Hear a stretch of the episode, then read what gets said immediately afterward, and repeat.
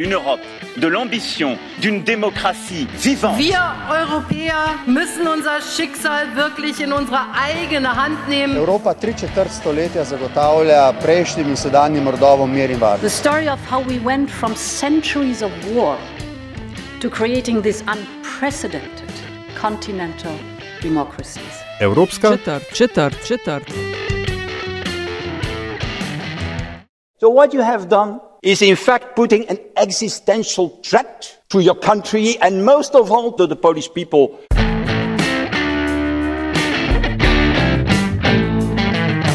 You're listening to a podcast on all things European, a podcast we call European Quarter and is part of Metas List, media network based in Slovenia. My name is Nataša Briški and I will be one half of your co hosts team. And my name is Aljaž Pengov Bitenc, comprising the other half. We have a somehow Aljaž difficult task ahead of us in this episode. The main topic of our conversation would be rule of law. What does that mean? How it is interpreted in EU? We are gonna address as well the rising illiberal tendencies in Poland, Hungary, and current political reality in Slovenia tends to raise some eyebrows regarding that as well. And yet, uh, to make sense uh, of all the things that are that you've just uh, uh, laid in front of us, Nataša, we're very lucky today uh, to have with us uh, Mr. Roland Freudenstein, Vice President and Head of GLOBSEC think tank in Brussels. Um, Mr. Freudenstein was previously the Policy Director of the Wilfried Martens Center for European Studies, uh, the think tank of the European People's Party uh, in Brussels, and various other uh, high level positions. Uh, Mr. Freudenstein, uh, thank you for being a guest on our podcast. Thanks for having me. So, should we start, Aljaž, with just uh, laying the, the, the ground, uh, not rules, uh, but just uh, a framework of uh, the conversation? Uh, Mr. Freudenstein, mm, now let us start with what is the rule of law? How should we understand that? Okay, the rule of law is uh, the separation of powers. Um, that means that in a democracy, in a liberal democracy, um, the government is one thing, the parliament is another thing, the judiciary is another independent branch of power. And then there's, of course, civil society, you know, the wider public, um, non governmental organizations. And all those together, if they are independent from each other and they share power in a society, um, that is the rule of law as understood um, by the, the treaties on which the European Union is based. Um, and uh, today, in 2021, when we are faced with um, somewhat overlapping concepts of illiberal democracies, democratic backsliding, uh, degradation of um, rule of law, uh, are those what, just different ways of describing one and the same uh, phenomenon, or is there are there subtle differences between the three? Well, we have seen uh, backsliding on the rule of law for more than 10 years now in the European Union. Um, I would say it is very easy to pinpoint the beginning of it, and that was in Hungary in 2010 after the victory of uh, Fidesz with uh, Viktor Orban as prime minister. In Hungary, in uh, uh, 2015, Poland followed suit. Um, and uh, by now, we, we have at least the accusation that uh, similar things are happening in Slovenia uh, with, with Janez Janša as prime minister. So uh, we've got a couple of countries where the rule of law has been fundamentally questioned. Um, and if you if, if if you ask me what idea is behind uh, those governments that undermine the rule of law, I would say it is a very particular concept of democracy where a party winning, winning an election means uh, uh, that that party should have absolutely free reign and should not be limited in its power by other independent institutions, such as, for example, uh, an independent judiciary, or such as a civil society that uh, uh, that has its own that expresses sorry that expresses uh, so i start again. A civil society that expresses its own free will um, or media that public media that criticize the government. I mean all these are things um, which in this concept of illiberal uh, uh, an illiberal state um, should not exist and therefore are systematically undermined so, if I understand you correctly, to the three um, phrases that I've used uh, in asking you the question, we can add the fourth, then that being state capture. Yes, that's uh, state capture is one of the steps towards um, an illiberal state. Indeed, that is a full control of public administration um, and all branches of government. Um, you are following the field for many, many years. Um, you said uh, that it started um, like deteriorating the rule of law in European Union about 10 years ago with Hungary. Uh, so, uh, in your opinion, the state of rule of law situation in EU in general uh, is not improving at all. No, but there is a pushback now uh, since about a year, year and a half ago, I think other member states have woken up. The European institutions have woken up, uh, maybe even a bit longer than just one and a half years. But I would say since about 2019, 2020, there is an organized uh, pushback against the democratic backsliding that we can observe. So, so that is that is the recent development. But um, that is also part of the critique of the European response or non-response in parentheses towards these uh, illiberal tendencies. Namely um, whether or not it would have i mean would have the european response mattered at all uh, or would it be better you know just to to um, let these illiberal tendencies run their natural course because, um, I mean, sooner or later these people will be voted out of power? Or is that too much of an optimistic assertion that uh, democracy will get back on its feet on its own?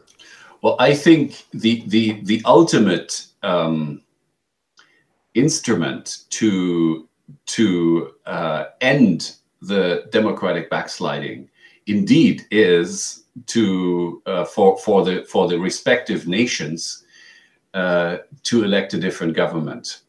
Um, everything else can only stop the spread and can increase the costs of illiberal practices, but it cannot reverse them. Um, I mean, that's a sad truth. I wish, I wish it was different. But um, I'm afraid that there is no way to force Viktor Orban to reverse his policies, for one example. On July 2021, the European Commission published uh, the rule of law report, including the chapters on all 27 uh, member states, presenting positive and negative developments uh, across uh, the member states. And as we speak, the EU leaders discuss Poland and the rule of law dispute that they have uh, with, with, the country. Now, um, some are um, cheering for a dialogue, some would uh, say it's time for a stronger response. What would you say? Um, I agree with those who want a strong response uh, and, and, and a response stronger than what has happened uh, up to now. But I also see that there is no way to force the Polish government, for example, to um, uh, to to to reverse its decisions about the judiciary. Um, these are these are things that have to happen in Poland itself ultimately. Um, there, thank God there is a very active civil society in Poland still. There's a strong opposition um, and they have shown their uh, uh, their their power uh, to organize protests at least. Um, and uh, hopefully, in the next election, there will be a reversal of, of policies. But there is nothing that the European Union can do to force the Polish government to reverse. It's the way it treats the judiciary in Poland. Um, so, um, there are, however, ways to increase the cost of the Polish behavior, um, and that may have a long term effect. But it will, at, at, the moment, I don't see a reversal of the position of the Warsaw government. Uh, would you say that the uh, chosen approach by apparently by or uh, rather argued for approach uh, by some member states, uh, notably Benelux countries, that uh, would tie the Polish, specifically Polish respect for supremacy of the EU law and further down for the concept of rule of law towards the um, acquiring the funds from the Economic Recovery and Resilience Resilience Fund, do you see this approach as ultimately futile? No, it's not futile. As I said, this would be increasing the costs of uh, illiberal backsliding, right? Uh, so, so that so that there is a price to be paid for it, uh, but there is no guarantee that the Polish government will reverse its course, uh, even after the price has been imposed or the the payments have been withheld. You know and this is the crux of the matter here uh, there there is there the EU doesn't have an instrument to force a member state government to reverse its course um, especially in a situation where that government is supported by at least one other government um, in the in the union. So you know I, I agree to the linkage um, between the rule of law and the disbursement of funds. That's a good thing. It's good that we have the rule of law conditionality now. It should be used as soon as the European Court of Justice has declared it legitimate according to the treaties. Uh, to use it before is a risky business, uh, and and here um, I I I mean there are other ways. There are ways to slow down the disbursement of funds um, because of uh, of uh, let's say um, um, suspicion of um, uh, insufficient uh, anti-corruption rules in a country and so on, but um, uh, to to to actually use the rule of law mechanism, the rule of law conditionality about EU funds should only happen after the European Court of Justice has ruled. And we don't know how quickly this is going to happen. You know, some people say it's a few months away, others say others say it's much longer than that. I don't know. The COVID 19 pandemic uh, has given a new sense of the urgency to modernize justice systems and highlight and also the, the potential of digitalization. Uh, what did, in your view, of course, in the context of rule of law, what did uh, the pandemic expose? Uh, you know, emergencies are always a great uh, uh, opportunity for authoritarians for autocrats. The autocrats love emergencies. Uh, they love a situation where a country seems to be under threat, uh, where where people are afraid, and they they will use that situation to push their agenda even further and even faster than they could before. That happened initially in Hungary, for example, last year, when several laws were passed. Um, uh, uh, uh companies were nationalized. Um, uh, uh, Uh, uh, suddenly uh, uh, public documents were classified, all of which could not have happened so quickly and so effortlessly under normal conditions, but under the conditions of a kind of state of emergency and the, the respective public mood in a country, this was deemed possible. Uh, so, so you did have an initial push towards a, a faster and stronger authoritarianism in Hungary, for example.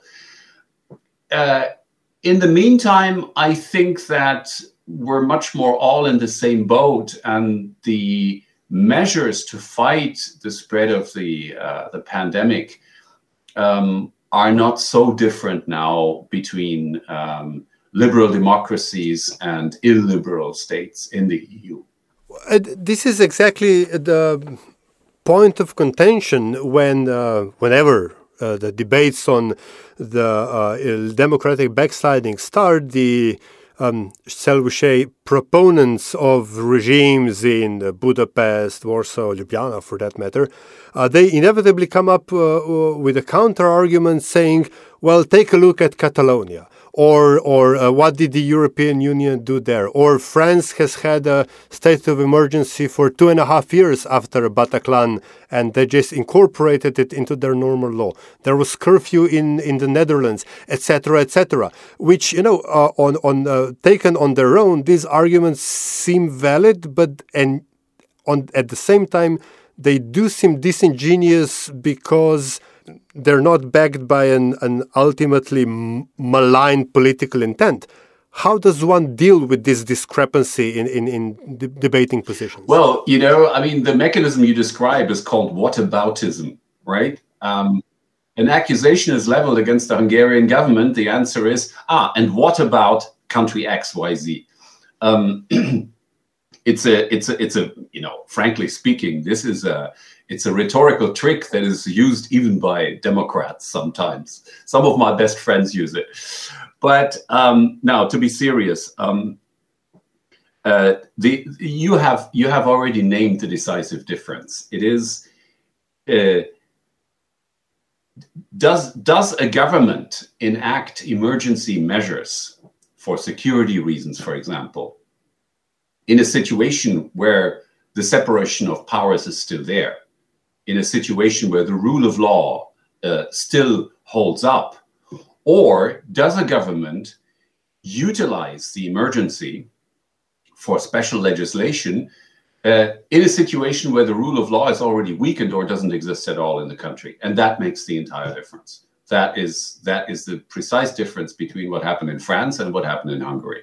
You know, I mean, the, the French government did not use the terrorist threat to expand its powers against the French opposition or to uh, further monopolize uh, uh, some kind of um, monopoly situation uh, in the media. So, all this did not happen in France. All this, unfortunately, happened in Hungary.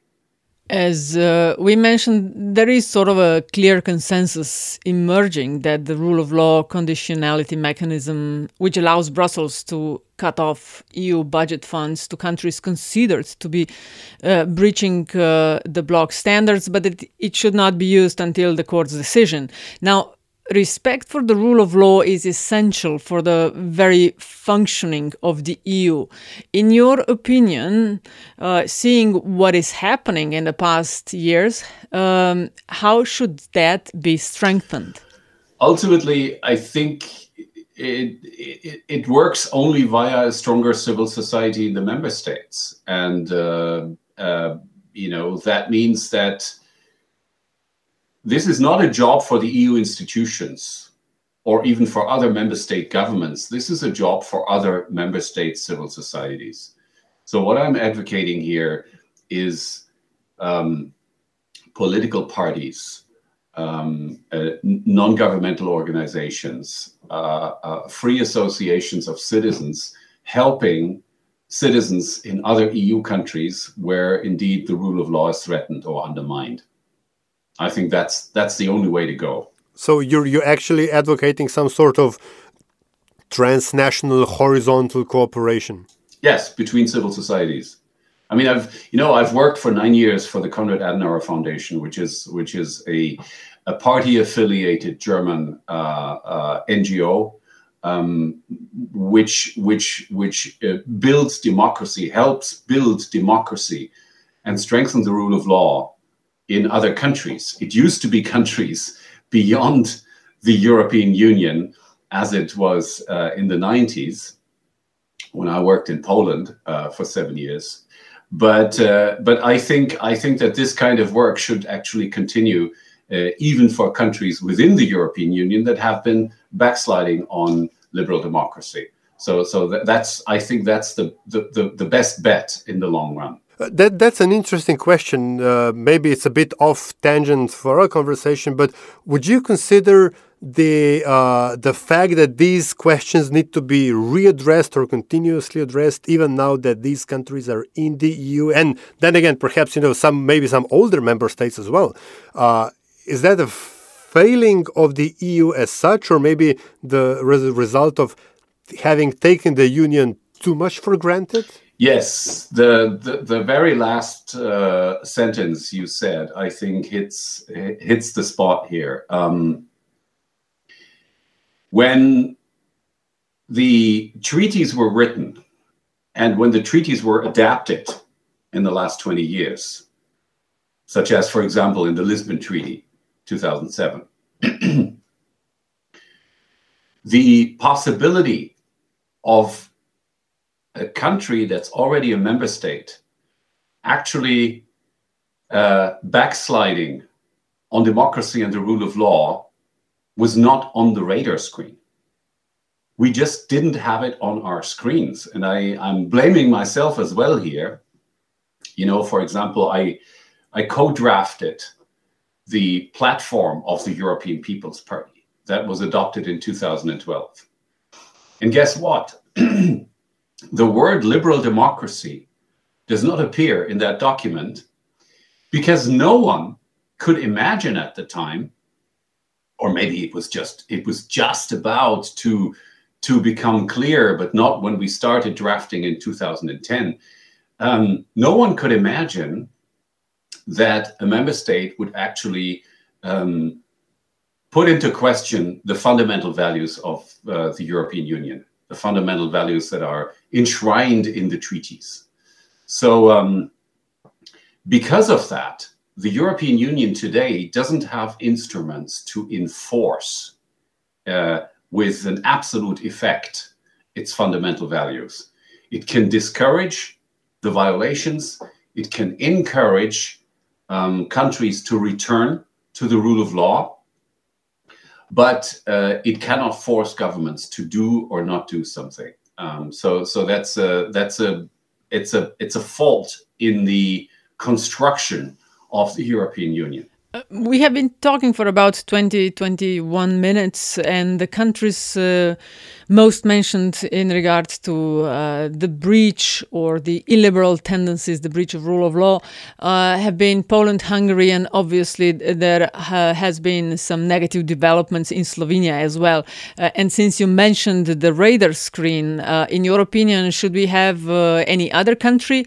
uh, on our screens, uh, be ready maybe for a situation that could deteriorate? Yeah, I would say there are rule of law problems in a whole number of member states. Uh, and this, in, in some cases, it, it, it can even include uh, uh, West European uh, member states, such as Spain with Catalonia. I think the, the, the way the national government acted is at least disputable. Um, it can be legitimately put into question. But um, I would never claim that uh, the rule of law, the separation of powers in in in Spain is under threat. Um, one can criticize individual actions of the government and so on. Uh, but uh, we have other cases, like in Romania and Bulgaria, for example, where uh, there are severe, um, uh, severe uh, there's a severe undermining of of the the independence of media, for example. Um, it's not as ideologically charged as it is in Poland and Hungary, but it it it's uh, there are there are cases to be looked at in those countries as well, and I think they're also mentioned in the report of uh, the European Commission. Now, as to the country that interests you most, Slovenia. Um, look, um, there certainly is uh, a determination on the side of the current government, the current prime minister, um, to deny problems with the rule of law in countries like Poland and Hungary. There is a determination to um, uh, to to to hit back against a an alleged liberal elite which allegedly makes a victim of the Slovenian government. You know, that's a very important element is this kind of, you know, victimization of oneself. Uh, uh, as opposed to globalized elites, to George Soros, to uh, um, to the Brussels bureaucracy, uh, and all all kinds of external forces. And there's also always a a pattern uh, of talking about a fifth column in your own country, you know, that helps these outside powers.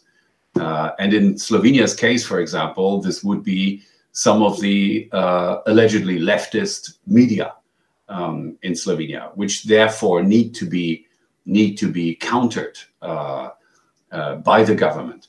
Now, these are, in my view, still early forms of illiberal backsliding. Uh, Slovenia is is is is far far uh, far away still, even from the Polish case, which again is way behind the Hungarian case. So I see some signs of democratic backsliding in Slovenia, but it is in its very early stages, and um, uh, uh, uh, it it has not even remotely matured to the point that it has in Hungary, for example. Definitely a topic that uh, me and Aljaž will be talking some more in the podcast uh, that is European Quarter. Um, Aljaž, uh, do you have any other questions? I mean, I know there are so many and we could talk for hours. No, absolutely. But I think we've spent all the time uh, uh we can uh, we have for this episode. Mr. Roland Freudenstein, thank you so much for your time. Yeah, it was a pleasure. Thank you. You have been listening to European Quarter, and we talk to you soon about all things European. Thank you for listening to us.